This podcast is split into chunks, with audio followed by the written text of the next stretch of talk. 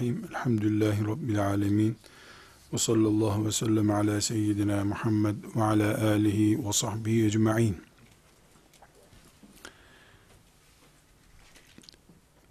Müslüman olarak yaşamamızın ne kadar Kur'an ve ne kadar hadisi şerif, sünnet ilgimiz varsa o kadar mümkün olduğunu söylüyoruz.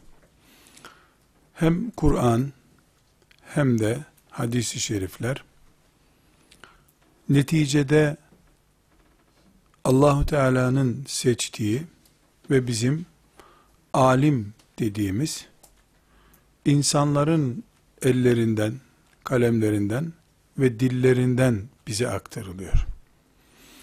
Kur'an diyoruz ama bunu bir hafızdan dinlememiz gerekiyor. Kur'an diyoruz ama ne demek olduğunu Taberi'den, İbn Kesir'den öğrenmen gerekiyor. Kur'an Arapça bilsen de, bilmesen de dil bilmekten kaynaklanan bir güçle ne dediği yüzde yüz anlaşılmıyor. Ashab-ı kiramı tanımadıkça, ashabın alimlerini bilmedikçe, Kur'an senin oturup içinde dolaşabileceğin, rahat istediğini anlayıp istediğini çıkarabileceğin matematik formülü kitabı değildir. Dolayısıyla hem Kur'an'da hem hadis-i şeriflerde bu konuların yani Kur'an'ın ve hadisin aktarılmasında ehliyeti olan insanlara ihtiyaç var. Bunun adına biz alim diyoruz. Alimsiz, alimi olmayan ya da alimlerin yer edinemediği toplumlar mukallit, kör taklitle, gelenek olarak İslam'ı yaşayan toplumlar olabilirler. İslam'ın enerjisinin aktif olduğu bir toplum olamaz. Alimin yer edinemediği toplum. Bunu farklı usluplarla vurguladık. Bu sebeple dedik ki alimin yeri dinin yeridir aslında. Alimin yeri ve alimin gücü dinin yeri, dinin gücü olduğuna göre ümmeti Muhammed'in içinde Müslüman toplum, mümin toplum içerisinde alimler hangi konumlarda bulunuyorlarsa ümmette o durumda demektir. Bu sebeple alimlerin adım atmaları, iki kelimelik de olsa açıklamalarda bulunmaları, yani alemin kıpırdanışı bile müminler adına kazançtır veya kayıptır. Çünkü defalarca karşımıza çıkmış hakikat buydu. Peygamberin varisi alim. Varisi üzerinden peygamberi izliyoruz. Esasen varisin kendisinin ayna olmaktan başka orijinal bir değeri yok. Ama Peygamber aleyhisselama varis olduğu için ona bakıp e, Peygamber aleyhisselamı tanıyoruz. Peygamber aleyhisselamı tanıyıp peşinden gidince de Allah'a ve rızasına kavuşuyoruz. Bu formülden dolayı alimin üzerine aldığı ağır yükler var. Bu ağır yükleri değerlendirmemiz gerekiyor. Bu değerlendirmede farklı başlıklar açtık. Bunlardan altıncısını e, gündeme getirmek istiyorum. Alim ilimle meşguldür. İlim ibadettir. İbadetteki geçerli kurallar, ilimdeki ve alimdeki kurallar olmalıdır dedik önceki dersimizde. Bir ibadeti sorunlu hale getiren e, konulardan, risk taşıyan konulardan birisi de riyadır demiş. Biliyoruz bunu daha önceki konularımızdan biliyoruz. Mesela namazı riya ile karıştırdığın zaman karışan riya kadar namazın oranı düşer. Mesela e, bir hac ibadetini düşünelim. Hac ibadeti yüzde yüz Allah için olmalıdır. Hac bir bardak saf süt gibidir. Yüzde yüz ineğin memesinden çıkmış bir süt neyse hac da o olmalıdır. Eğer hac ibadeti yüzde yüz Allah için değil de böyle bir e, sanal ölçüm yapıyor kabul edelim. Yüzde on da ya bu yaşa kadar geldi hacca gitmedi demesinler gibi bir duygu mesela karışmıştır diyelim. Bu o bir bardak sütün yüzde onuna su karıştığını yani yüzde yüz süt değil yüzde doksan süt olduğu gibi bir durumdur. Eğer riya yüzde ellileri aştıysa yani o insanın Rabbim beni çağırdı ta İbrahim Aleyhisselam zamanından beri. Davetliyim ben. Gidiyorum. Rabbimin e, beytini ziyarete gidiyorum. Peygamberimin kabrini ziyarete gidiyorum diye. Eğer özellikle yüzde yüz bir duygu yerine işte A, B, C alternatifinden herhangi riyalar e, karışmışsa ve bunlar e, çoğunluğu oluşturuyorsa sütün beyazlığı kalmış ama bardaktaki su demektir. Bunun da süt diye içip ondan süt kalitesi beklemek mümkün olmadığı gibi o haccı da hac olarak kabul etmek mümkün değildir. Böyle bir beklenti içine girmemiz de gerekmiyor.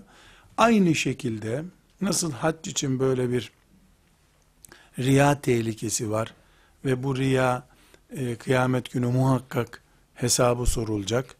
Yani o mümin hac ettim, hacıyım diye e, ülkesine, toprağına geri döndüğü halde kıyamet günü e, hac etmediği gibi bir de ibadete riya karıştırdığı için, riyada gizli bir şirk olduğu için ağır bir veballe kıyamet günü dirilecek demektir.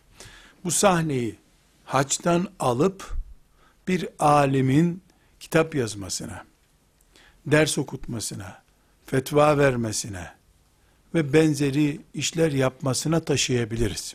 Çünkü alimin kitap yazması, ders okutması, bir konferans vermesi, yüzde yüz ibadettir. Bu yüzde yüz ibadet, yer yer, yer yer, mesela haccın nafile boyutundan çok daha değerlidir.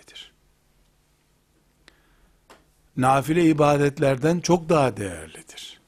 Yer yer, yani bir alemin oturup, bir ilmihal okutmasını, bilmeyenlere e, namaz fıkhını öğretmesini, farz olmayan haçtan, mesela teravih namazından daha değerli bulabiliriz. Umreden daha değerli bulabiliriz. Bir alim, bulunduğu yerde insanlara e, gusül abdestini öğretme imkanı var. E, bir de yıllardır gitmemiş, özlemiş bir umre yapmak istiyor. Ramazan-ı Şerif'te insanlara oruç fıkhını öğretmesi lazım. Başka öğretecek kimse de yok. Bir o güzel biliyor oruç fıkhını. Ama Ramazan'da umre çok değerli. Ee, Efendimiz sallallahu aleyhi ve sellem ne buyuruyor? Ramazan'da yapılmış umre benimle yapılmış bir hac sevabındadır buyuruyor. E, çok muhteşem bir şey. Bu alim efendi e, bu Ramazan-ı Şerif orucundaki e, ahkamı insanlara öğretmek veya bu büyük sevaplı umreyi yapmak tercihlerinde umreyi tercih edemez. Çünkü onun e, oturup Ramazan-ı Şerif'in fıkhını anlatması ve veya işte namazı anlatması, bir ilmuhal bilgisini anlatması, o yörede ondan başka kimsenin yapacağı bir iş değilse, onun üzerine farz olarak tahakkuk etmiş demektir. O farzı bırakıp umreye gidemez. Bu da gösteriyor ki yer yer alimin ilimle ilgili iştigali, yaptığı iş ibadet olma açısından işte örnek verdik umreden daha değerli. Belki teravih namazından daha değerli. Belki akşam namazının son sünnetinden ola ki daha değerli. Yani alimin yaptığı iş yüzde yüz ibadettir. Hatta bazı ibadetlerin de önünde duran bir ibadettir. Bu böyle olduğuna göre, bunu ibadet olarak gördüğümüze göre, nasıl hacca, umreye, namaza, riya karışınca süt kalitesi düşüyor bardakta, aynı şekilde alimin ders verişi veya işte ne yapıyorsa, kitap yazıyorsa, içine riya bulaştı, bulaşıldığı zaman veyahut da yüzde yüz Allah rızası olması gerekirken bu Allah rızasının oranı 50'lerin altına düştüğü zaman insanlar görsün diye hacceden bir insan neyle karşılaşacaksa kıyamet günü e, bu zat da onunla karşılaşacak. İbadet olduğu için. Bu e, konuda Müslim'in rivayet ettiği bir hadisi şerifi ileriki dönemde tekrar okuyacağız inşallah. Cehennemin tutuşturulacağı ilk üç insan diye bir hadis-i şerif var. Cehennem ilk defa yani haydi bakalım işte bürürleri yandı tutuşturun cehennemi. İlk atılacak insan cehenneme üç kişidir. Bunlardan bir tanesi de insanların ne diyeceğini merak ederek konuşan, kitap yazan alimdir diyor hadis-i şerif. Ve bu adam e, Allahu Teala'nın huzurunda e ben senin ilmini yaydım. Kur'an'ı yaydım diyecek. Allah Teala da buyuracak ki ama ne alim adam desinler diye yapmıştın sen onu. Arkandan da bunu söylemişlerdi. Sen beklediğini aldın. Benden alacağın bir şey yok buyuracak Allah Teala. Yani çok kötü bir şey. İnsanların cennete girmesine vesile olacak işleri yapıyorsun, yapıyorsun, yapıyorsun. Ümmeti Muhammed'in alimlerindensin. Peygamber aleyhisselamın varisisin. Ama cehennem seninle tutuşturuluyor. İlk yakıtı sen oluyorsun cehennemin. Bu alimin e, bulunduğu tehlikeyi gösteriyor ama ondan önce de ne kadar değerli bir konumda olduğunu gösteriyor alim. Alim çok değerli bir konumda. Bu çok değerli konumundan dolayı da alim herhangi bir şekilde yuvarlandığı zaman maazallah sıradan bir Müslümandan daha kötü yuvarlanıyor. Burada biz alimlerin konumunu, değerini, yaptıkları işin ilmin ibadet olduğunu anlatıyoruz. İlmin ibadet olduğunu anlatırken e, çok değerlidir. Mesela alimler çok değerli bir konumdadırlar. Maşallah o nefesi ibadettir deyip geçemiyoruz. Eğer ilim ibadetse, alimin kendisi de abid hükmündeyse, bunun bir faturası var, sonuçları var. Bir yumurta protein değeri bakımından çok yüksek. Neden? Canlı hücreler barındırıyor. Ee, yani çok e, kaliteli bir besleyici. Mesela bir yumurta yiyorsun, beş ekmek yemekten fazla daha katkısı oluyor. Ekmeğin bir dilimi kadar bir şey ama vücuda verdiği yararı açısından çok daha yüksek. Fakat ekmekle onun bozulma oranı, yenmedeki e, azlığı, çokluğuna bakıldığında yumurta baş belası aslında. Hemen çürüyü veriyor. Hemen bozulu veriyor. Üç tane üst üste yersen alerji yapıyor. Çünkü değeri çok yüksek. Gıda değeri yüksek. Gıda değeri yüksek olduğu için de ölçülü yiyebiliyorsun. 20 yumurta yiyemiyorsun. Yersen soluğu hastanede alıyorsun. Ama 20 yumurtanın 3 kapasitesinde ekmek yesen bir şey olmuyor insana.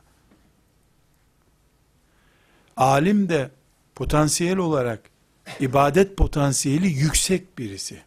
Yaptığı iş çok yüksek değerde. Dolayısıyla alimin ayağa kaydığı zaman, alim yanlış iş yaptığı zaman, cehennemi tutuşturan adam durumuna geliyor. Halbuki cennet de onun eliyle dolmuştu belki de. Yaptığı iş cenneti dolduruyor, ama bir niyet hatası, bir yanlış uygulaması, kendisinin cehennemde ilk yanan adam olması gibi tehlikeli bir sonuca götürüyor. Tirmizi'den e, rivayet edilen Ee, bir hadisi şerif 2654. hadisi şerif bu alimin e, ne kadar değerli bir iş yaptığını ama Allah'ın bu kadar değerli bir nimeti kendisine lütf ettiği bir kulunun bunu çarçur etmesine de müsamaha etmediğini gösteriyor. Cahiller için hoş görülebilecek hataları alim için hoş görmüyor. Çünkü alim ne dedik? Peygamberi temsil ediyor. Peygamberin varisi. Peygamberin varisi olan birisinin hatası peygambere mal olacak. Peygamberin üzerinden e, iş yapmış olacak. Bunun bedelini din öder. Alimlerin laçkalığını, laubaliliğinin bedelini din öder. Dinin bedel ödemesi de Allah'ın affettiği bir şey değil. Dolayısıyla bir insanın sivil kimliğiyle iş yapması, hata yapması başka şey, din kimliğiyle hata yapması başka bir şeydir. Binaenaleyh insanlar e, bir alimin mesela sabah namazı kılmadığını öğrendiklerinde e, ciddi bir şekilde sabah namazının önemi onların gözünde kaybolmaya başlar. E, yani alim de kılmadığına göre bunun bir kurtuluş çaresi var gibi düşünmeye kalkarlar. Halbuki bizim itikadımızda alim veya benzer bir yani başka bir insanın dinde farkı yok. Herkes aynı namazda mükellef. Ama insan nefsi kaypaklık yapmak, e, bir tembellik yapmak için bahane aradığında bu bahaneyi bulabiliyor. Bu bahaneyi e, üretmeye sebep olduğunda da alim vebale düşmüş oluyor. Bu hadisi şerif e, hepimizin ilim talebeleriyiz inşallah. Alim olmadık, olamadık ama ilim talebesi olmamıza bir engel yok. İlim talebesiyiz. Alim kim ediyoruz? Bunu öğrenmek için inşallah bir gün alimlerin oturduğu koltukta oturmayı Allah bize nasip ederse hangi riske karşı dikkat etmemiz gerektiğini anlatan hadis-i şerif olarak dinleyelim. Men talebel ilme li yucariye bihil ulemâ'e ev li yumariye bihis sufehâ'e ev yasrife bihi vucuhen nâsi ileyhi edhalehullahun nara. Kim ilim öğrenirken alimlerle boy ölçüşmek için veya cahilleri pes ettirmek için ya da şöhret olmak için ilim öğrenirse Allah onu cehennemine koyar. Hadis-i şerif Tirmizi'de dedik 2654. hadis-i şerif. Üç tehlikeden söz ediyor Peygamber sallallahu aleyhi ve sellem. Birincisi alimlerle boy ölçüşme tehlikesi. Yani ilimdeki gaye ünvan kazanmak, koltuk kazanmak, ilmi oluşturduğu güç nedeniyle öğrenmek. Halbuki ilim ibadetti.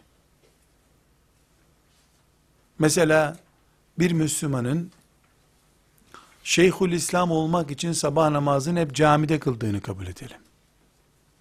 İnsanlar 15 yaşından beri hep şehrin merkezindeki camide görüyoruz. Tamam bu Şeyhül İslam olur desinler diye. Yani İslam toplumundaki en üst makamlardan birisi olarak söyleyir, Şeyhülislamlığı söylüyorum. Ee, yani bir insan Şeyhülislam makamına kavuşmak için cemaatle namaz kılıyor. Halbuki cemaatle namaz kılmak e, Allah için yapılması gereken bir ibadettir. Bu o ibadeti bir koltuğu elde etmek için e, bir ünvanı yakalamak için yapıyor. Bu bir riya. Riyadan dolayı da o sabah namazları boşa gidiyor. Riya ile kılıyor çünkü. Şirk gibi bir hastalık bulaştırıyor. Aynı şekilde ilmin gayesi de ibadettir. Sabah namazını kılmak, sabah namazında camiye gitmek, hangi duyguyla yapılıyorsa, kitapların açılıp ders yapılması da o duyguyla olmalıdır. Aksi takdirde ilme riya bulaşmış olur. Bu hadis-i şerifteki pozisyon ortaya çıkar. İkinci olarak da cahillere fors atma düşüncesi. Yani sorulduğunda her şeye cevap veriyor. Dedirtme hastalığı. Üçüncü olarak da şöhret. Şöhret ne demek? E, cahilleri pes ettirmek ne demek? Bunu bildiğimiz için uzun bir ayrıntısına girme ihtiyacı hissetmiyorum. Ama her halükarda bir matematik, bir biyoloji, bir coğrafya veya herhangi bir bilim dalı insanlar ekmek kapısı ya da e, işte ünvan kazanmak veya filanca bir nedenle elde edilebilir. Çünkü direkt ibadet değildir. İlim olması bakımından bir ibadettir ama coğrafya nihayetinde meslek edinmek için öğrenilen bir ilimdir. Matematik meslek edinmek için öğrenilen bir ilimdir. Ama şeriat ilimleri, Kur'an'ımız ve hadisi şerife ait ilimler meslek için değildir. Yüzde yüz ibadettir. Kelime başına ibadet sevabı veriyor Allahu Teala. Dolayısıyla alim olacak insanlar ve ilim halkalarında oturan insanlar bu ibadetleri böyle ucuz değerler için kullandıklarında işte cehennemin ilk tutuşturulduğu adamlardan birisi olma tehlikesiyle karşılaşırlar. İlim ibadettir dedik. İlim ibadettir.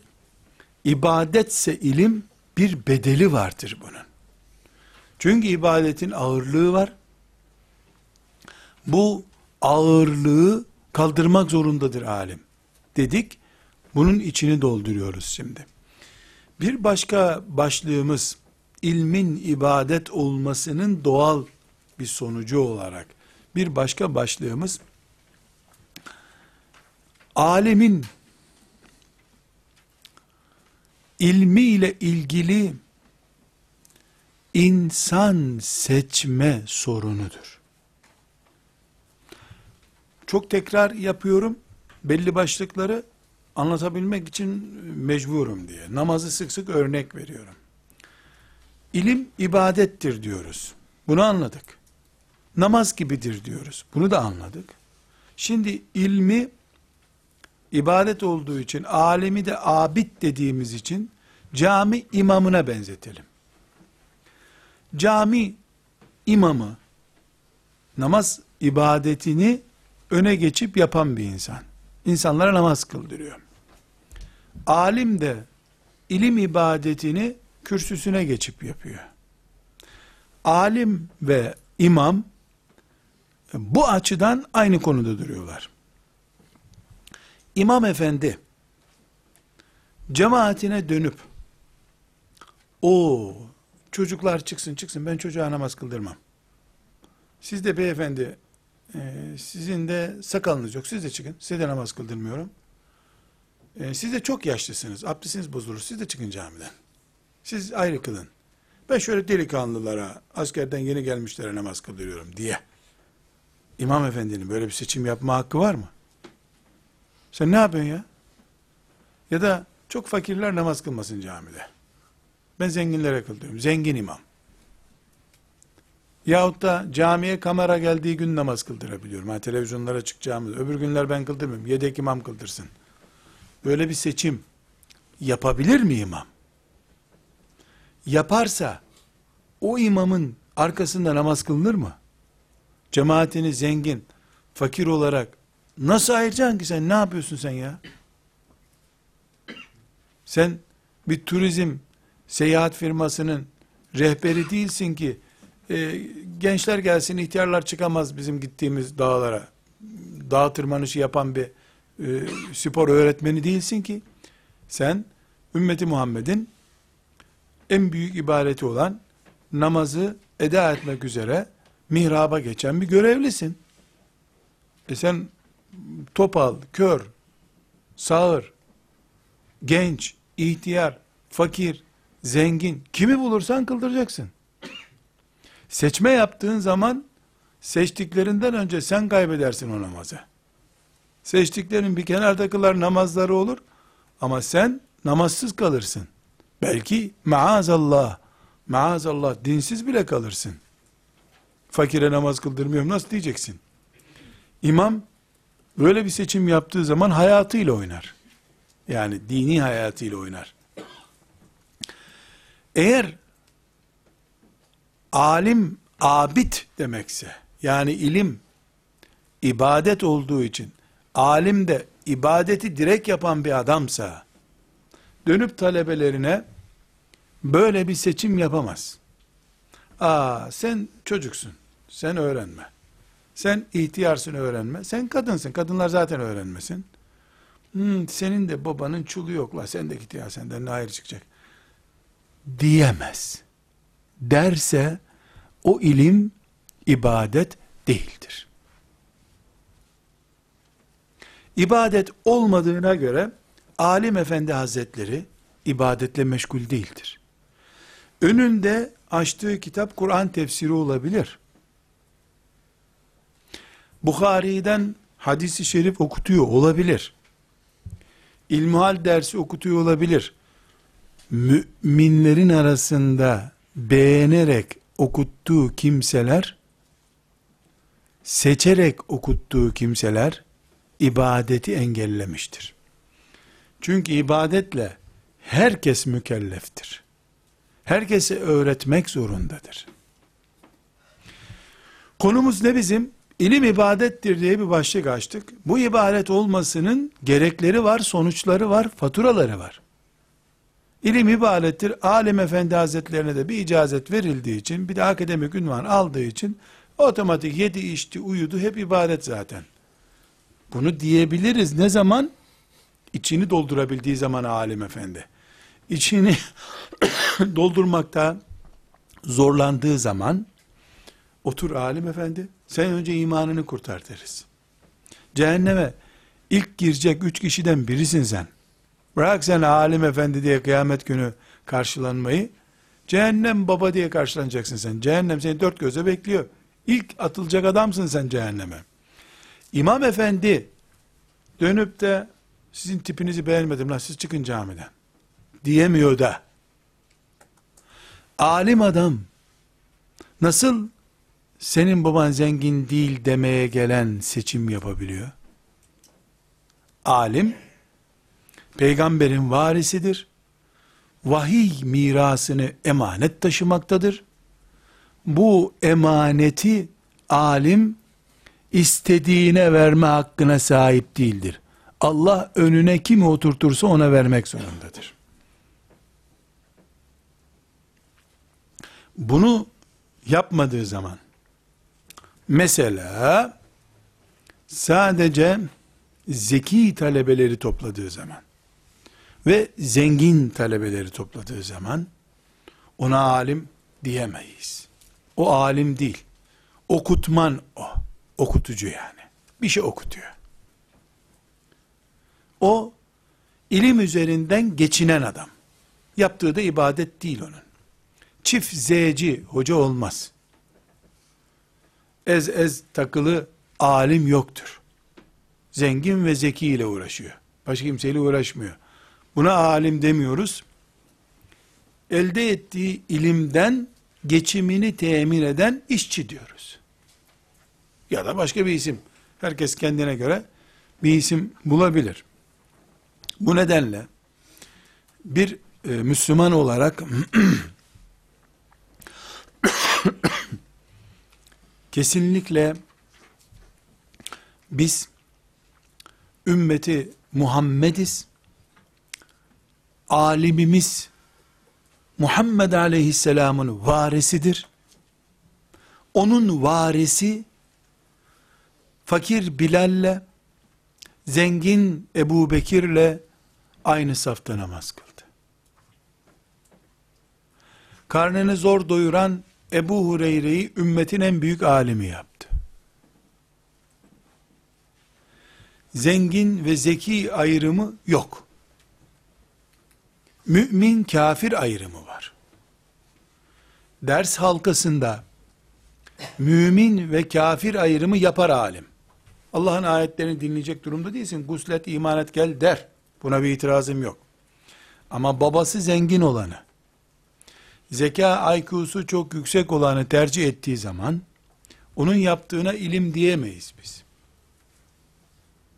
Ama şimdi alim denen insan, bırak sen zengin adam, zengin talebe seçmeyi, zengin televizyonu tercih ediyorsa, yani sizin televizyonun ulusal yayını çok zayıf, sizde e, konferans veremem, ders veremem diyorsa, televizyonun bile zenginini seçiyorsa, o zaman biz de deriz ki, anlaşılmıştır. Problem çözülmüştür. Hangi problem?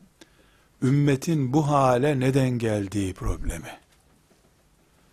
Dersimizin başında ne dedik? Alim bizim sıradan bir adamımız değil. Peygamberimizin varisi, din namına ne durumda olduğumuzun işareti alim. Alim denen kimse, televizyonun bile zenginini, kameranın bile son modelini seçerek, fakirlerin piri peygamberi anlatıyorsa, gülünç bir çelişki var burada. Karnı doymadan, sıcak bir çorba içmeden bu dünyadan giden peygamberi anlatmak için, en zengin, reklamı en güçlü televizyonu tercih ediyorsun sen. Tabi şeytanın mazereti bitmez. Daha çok peygambere sevgi toplamak için filan senin edebiyatın hazırdır. O edebiyatı melekler dinler mi, dinlemez mi? O seninle onlar arasındaki bir sorun. Ola ki kanar melekler hani. Gene bir ekmek parası çıkar. Zira meleklerin de zenginini seçerek işi götürebilirsin sen. Her halükarda alim zengin ve zeki yatırımı yapamaz. Mümin kafir üzerinden çalışır, mümin yatırımı yapar. Resulullah sallallahu aleyhi ve sellem Efendimiz'e e, alim, varis yetiştirmek için uğraşır. Şimdi bu sözlerim ortada bir itirazı e, öne çıkarır. bu itiraz şudur. Mesela usulü fıkıh diye bir ilim var. Ortalama her gün bir talebe sabahtan akşama kadar ders okusa hocasından iyi bir usulü fıkıh icazeti için bir buçuk iki sene lazım ona. Her gün sabahtan akşama kadar işte Arapça altyapısı vesairesi de hazır. Bir buçuk yıldan önce bizce icazet almak mümkün değil. Ve usulü fıkıh için iyi bir hafız olmak, belagatı, maanesi vesairesiyle Arapçayı bilmek, e, iyi bir fıkıh bilmek bu arada, en az bir bin kadar hadis-i şerifi ezber bilmek beraberinde gerekiyor. Yani usulü fıkıhı şöyle idrak edebilmek için. Şimdi bir mümin e, selamun aleyküm hoca efendi aleyküm selam e ben geldim usulü fıkıh okuyacağım e, katılayım mı derse ya sen hiç bu derslerde görmedik sen hafız mısın? Yok Kur'an okuyamıyor. E peki hadis biliyor musun?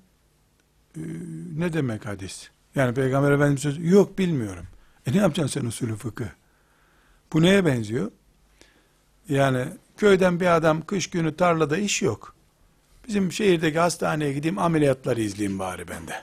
Diye inip e, cerraha diyor ki selamun aleyküm doktor abi ben geçen sene burada ameliyat olmuştum hatırlıyorum. Ya hatırlıyorum. Çok boş vaktim var geleyim size yardım ederim hastanede ameliyat edeyim ben de dese. Ulan sen bu çamurlu üstün başında ne işin var ameliyathanede? Çık dışarı. Güvenliği çağırıp bunu dışarı atmak zorundalar.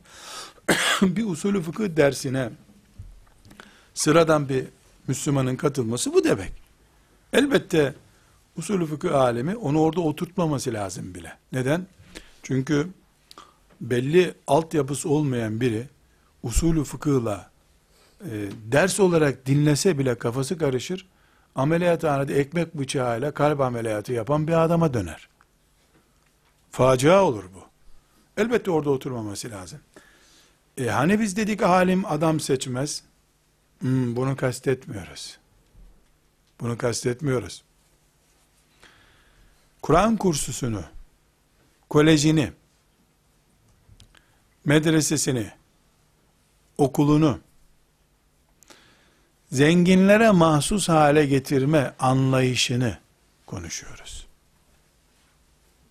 Elbette ilmin bir seviyesi var. Şimdi elif cüzü bilmeden adam tefsir dersine girmek istiyor. Ne işin var burada senin kardeşim? Sen önce elif cüzü oku, ilmihalin temel mantığını oku, ilerleyince bu derslere katıl. Fakirliğin hiç engel değil. Zaten senin zekan, İbn Abbas'ın iştihadıyla İbn Mesud'un iştihadı arasındaki farkı anlayamayacak durumdaysa eğleneceksin sen zaten. Alt katlarda kalacaksın. Sadece zeka testin yüksek olmadığı için veya sadece baban bu medreseye yatırım yapacak bir adam değil, para verecek adam değil, zengin değil baban. O nedenle seni dışlamayı şeriatımızın yaptığına aykırı görüyoruz. Bu şöyle bir sonuca götürüyor bizi. Alemin ilmini ikiye ayırabiliriz. Uzmanlık gerektiren, belli bir seviye gerektiren ilim, buna o seviyeden insanlar katılmalıdırlar. Aksi takdirde alim, ekmek bıçağını bir köylünün eline yahut da bir çocuğun eline verip ameliyathaneye sokan cerrah durumuna düşer, katil olur. Her derse herkes katılırsa sonunda din sapıkları çıkar ortaya. Anlamadıkları şeyleri insanlar dinlememelidirler. Bu doğru. Zaten dinleyemez, uyur o derste. Uyudukça yanındakini de uyutur. E git kardeşim insanların ilmine mani olma denir. Ama alimin bir cuma günü, cuma namazından önce, yahut da perşembe günü akşam namazından önce, neyse, yatsı namazından sonra, oturup, avam dediğimiz, insanlara da Allah'ı ve peygamberi tanıtacağı bir ders halkası olmalı. Hayır, biz e, akademik çalışıyoruz, doktora dersleri verebiliyoruz diyorsa işte bahsettiğim odur. Bir örneğimi tekrar canlandırmak istiyorum. Hastaneye bir köylü gelmiş. Ya traktöre parmağım takıldı. Ee, şuradan kan akıyor diyor. Cerrah da başka nöbetçi doktor yok. Valla ben kalpten başka bir şey kesmem. Keseceksem kalp keserim. Ya git bir yere ne, başka hastaneye git diyebilir mi ya? Sen bir şey süreceksin bir parmağını bantlayacaksın. Hadi git geçmiş olsun diyeceksin. Ya biz e, kalpten başka anlamam. Keseceksem kalp keserim diyemezsin. Bu forslu bir iş yapmak ya da insani duygu taşımamak diye yorumlanabilir. Bir alim doktora tezi yazdırabiliyor. Ama e, ben işte domates yesem orucum bozulur mu diye soran birisine vallahi bilmiyorum biz doktoradan başka bir ilimle meşgul olmuyoruz. E, nihayetinde biz yani taberiden başka tefsir de okutmuyoruz. Sen onu şehir müftüsüne sor. Domates orucu bozar mı? Bu komiklikten söz ediyoruz. Şimdi siz bunu dinlerken benim tiyatro yaptığımı zannediyorsunuz. Yani komiklik yapıp böyle bir mizahi boyutuyla meseleyi anlattığımı zannediyorsunuz. Size hak veriyorum, hayatı tanımıyorsunuz. Bu memlekette yüzlerce, belki binlerce fıkıh, hadis, tefsir doktoru, doçenti, profesörü bulunduğu halde onların namaz kıldığı gelirlerse camiye, namaz kıldıkları camilerde insanların domates orucu bozar mı bozmaz mı diye bilmediklerini, o adama da bunu soramadıklarını, sorsa bile hoca efendi orada sarını çıkarıyor ona sor deyip başından savacağını bildiğim için anlatıyorum. Bunu tiyatro vari bir usulle anlatıyorum daha iyi anlaşılsın diye.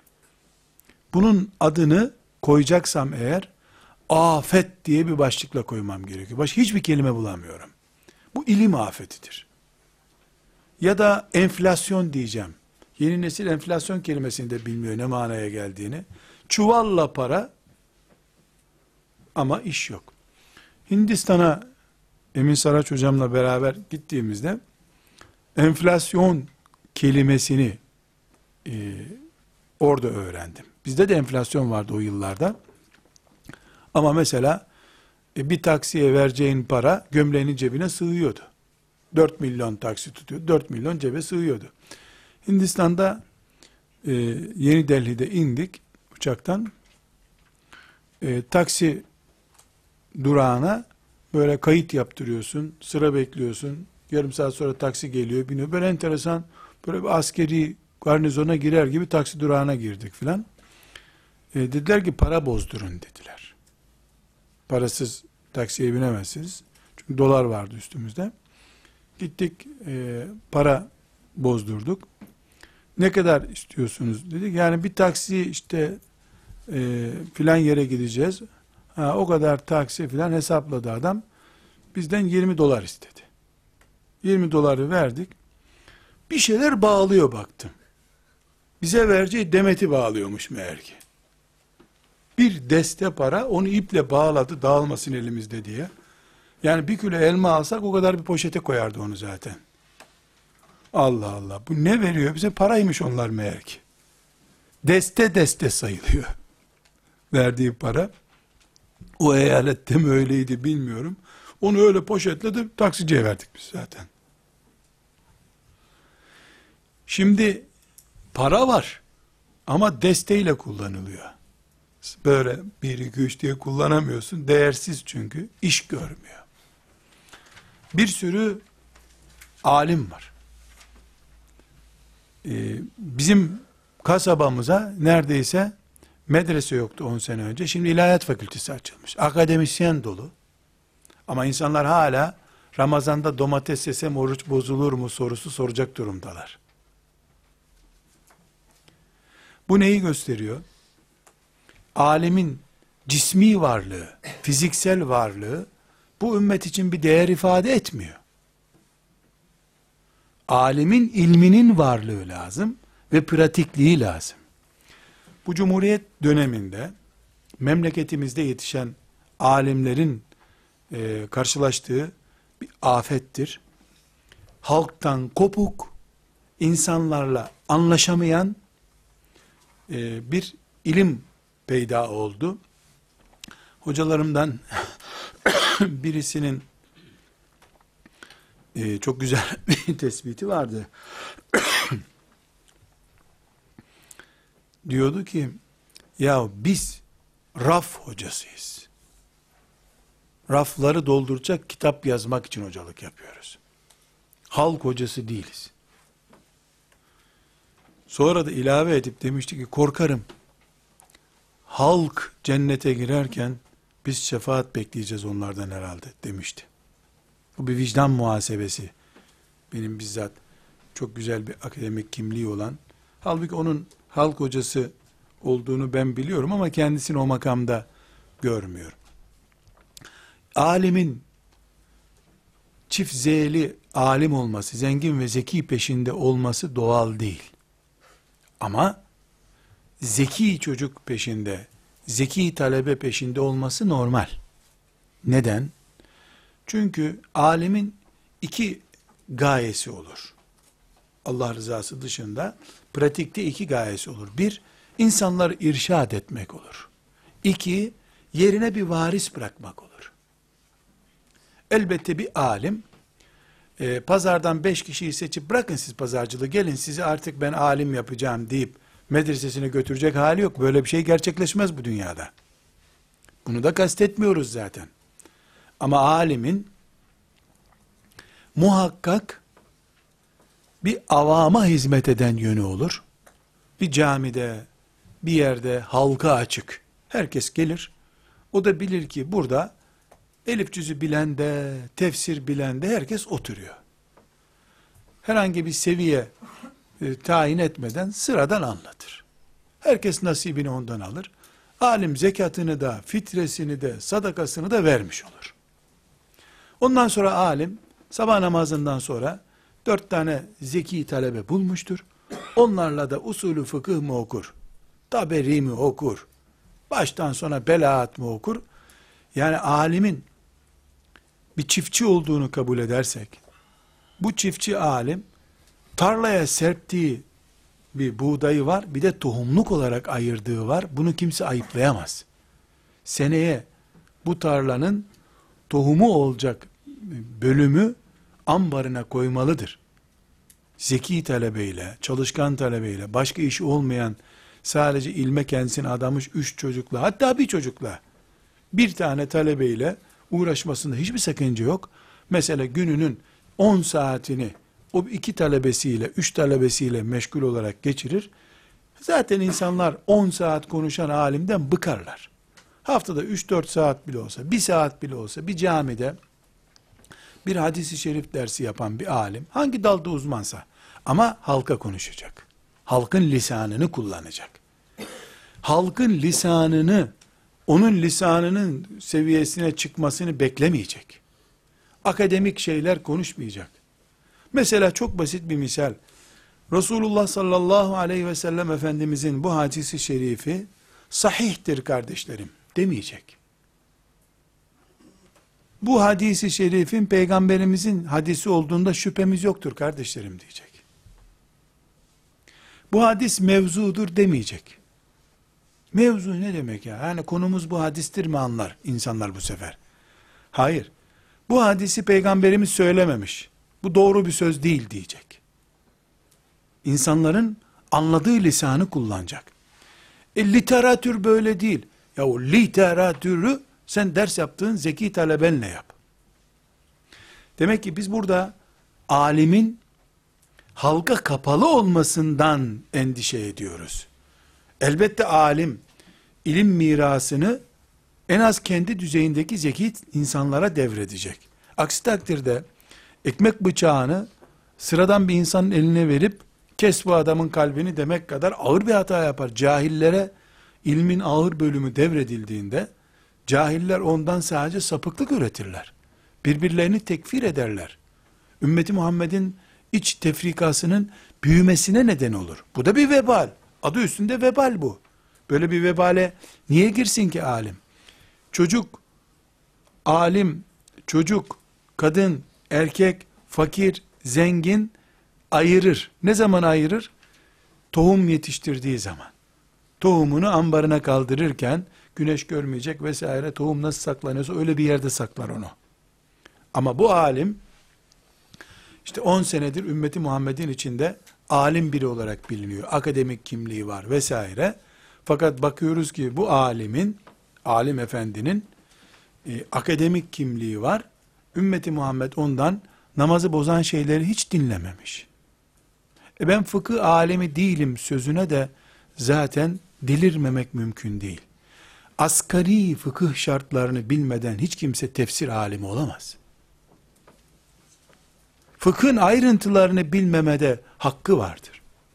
Kur'an'ın 114 sure olduğunu bilmeyen birisi biz fıkıhta 20 senedir çalışıyoruz diyebilir mi ya? Sen sıradan bir Müslüman olmamışsın ki nasıl fakih bir Müslüman olacaksın?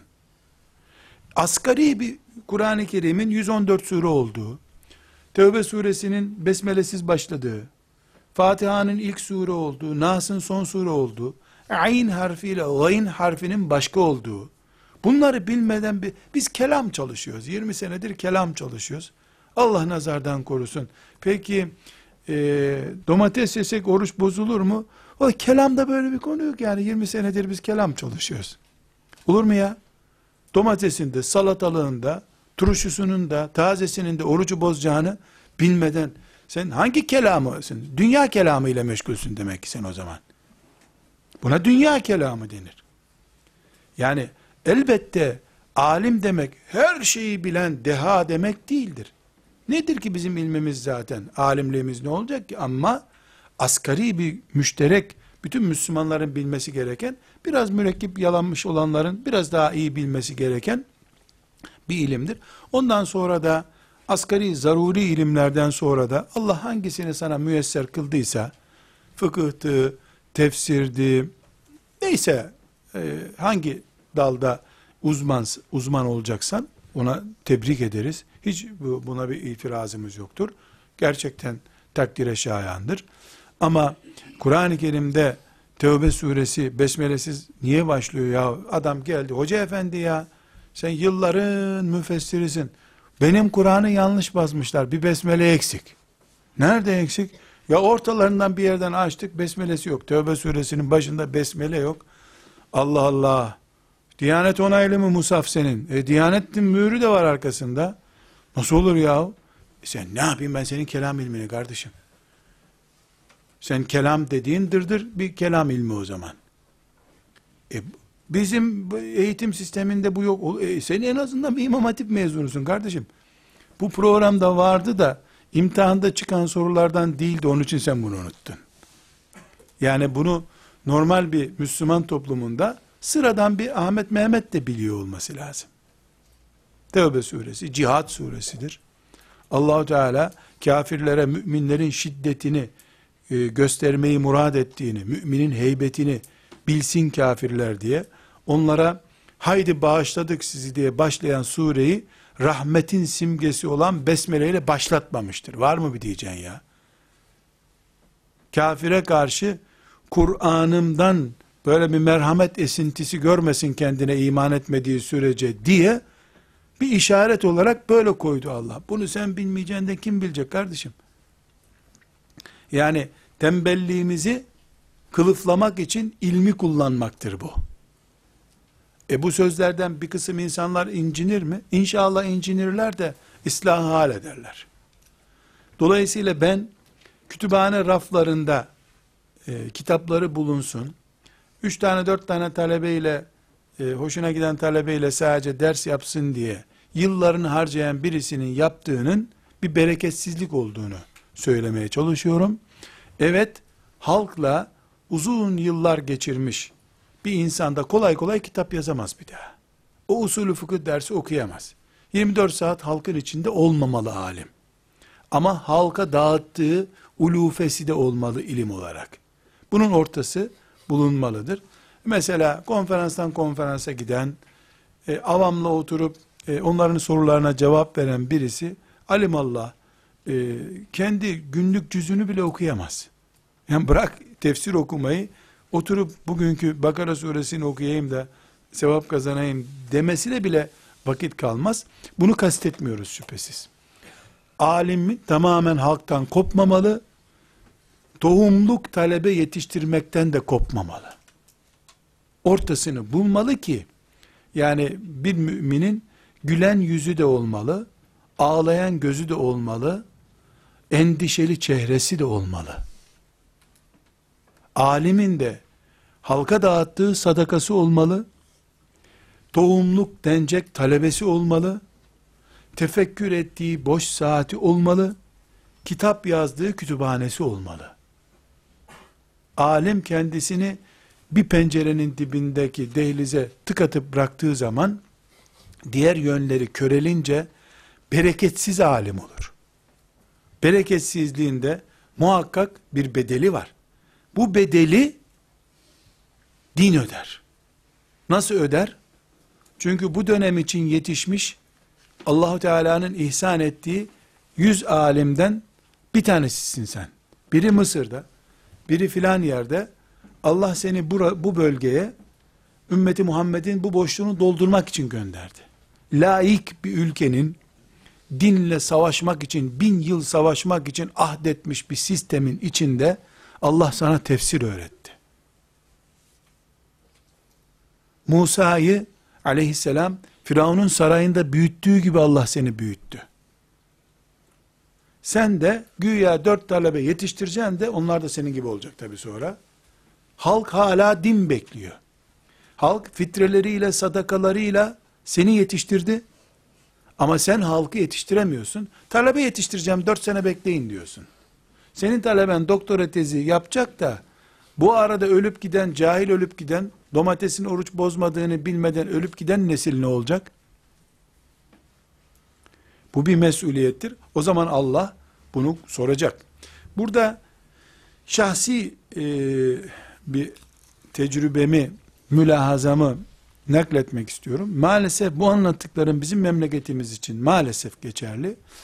E, Arap ülkelerinde müşahede ettiğim şey veya e, diğer gezdiğim İslam topraklarında yüzde yüz böyle değil.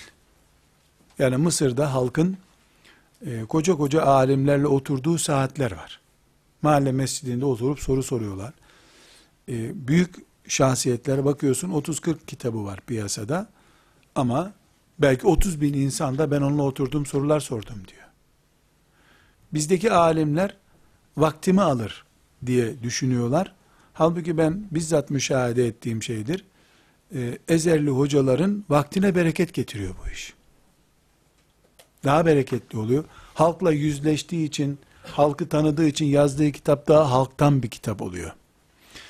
Bunun belgesini benden istiyorsa eğer, bu sözüme muhatap olanlar, akademik çalışma yapanlar çok değerli kitaplar yazıyorlar. Alıyorum, kütüphaneme koyuyorum.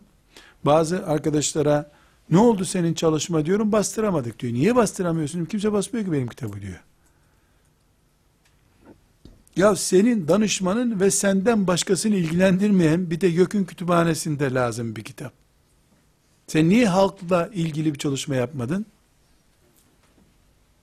Halkla ilgili bir çalışma yapmalıydın sen. Halk ilgilenmiyor. Tabi senin kitabını kim alacak ki? Fotokopi yaptırıp danışmanına e, ve e, senin kitabını inceleyecek olan üç kişiye beş kişiye veriyorsun. O kitap kütüphanelerde defnediliyor. Kütüphaneye defnediliyor senin kitabın. Yazık günah değil mi? Belki beş sene uğraşıyorsun bu kitapla. E bunlar kim çalışacak? Bunlar ne zaman çalışılmalı bu tip konular?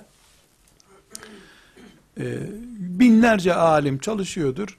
Halk alim bolluğu içerisinde yüzüyor. O zaman da bazı talebeler böyle eften püften olacak.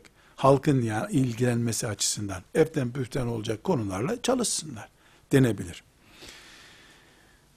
Burada Siyer-i Alamin Nubela'dan bir nakil yaparak bu bölümü kapatmak istiyorum.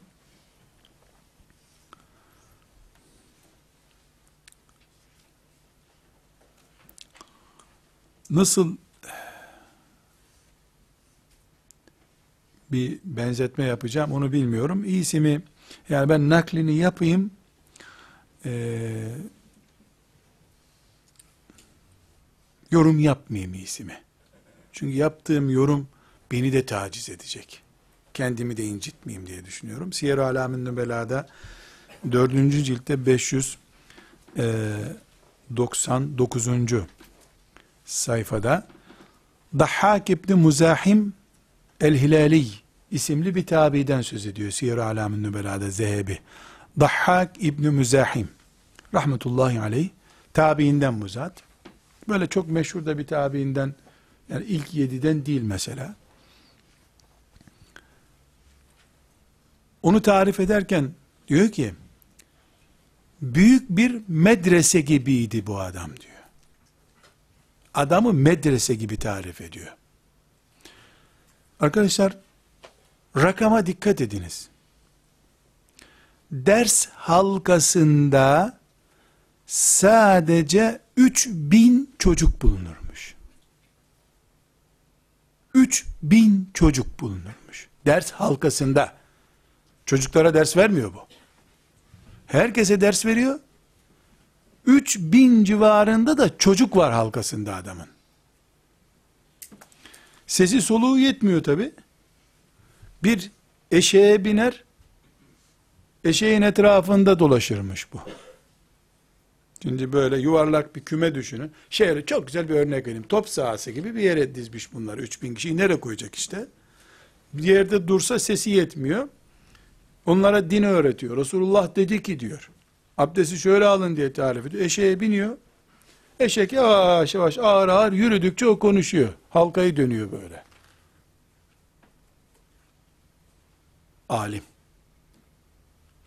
Alim. Çocuklar bu kadar uğraşamam sizle demiyor. Bir eşek buluyor. Hoparlör vazifesini ona yaptırmış oluyor. Dolaşıyor. Böyle dolaşıyor. Buraya geliyor. Kaldırıyor elini. Anlamayan var mı? Tarif ettiğim hadisi şerifteki abdesti herkes el kaldırıyor anladık. Ha tamam. Şimdi ikinci hadise geçiyor. Derdi Allah ve Allah'ın vereceği cennet olan alim profili bu. Ve sallallahu ve sellem ala seyyidina Muhammed ve ala alihi ve sahbihi ecma'in velhamdülillahi rabbil alemin. قل إن كنتم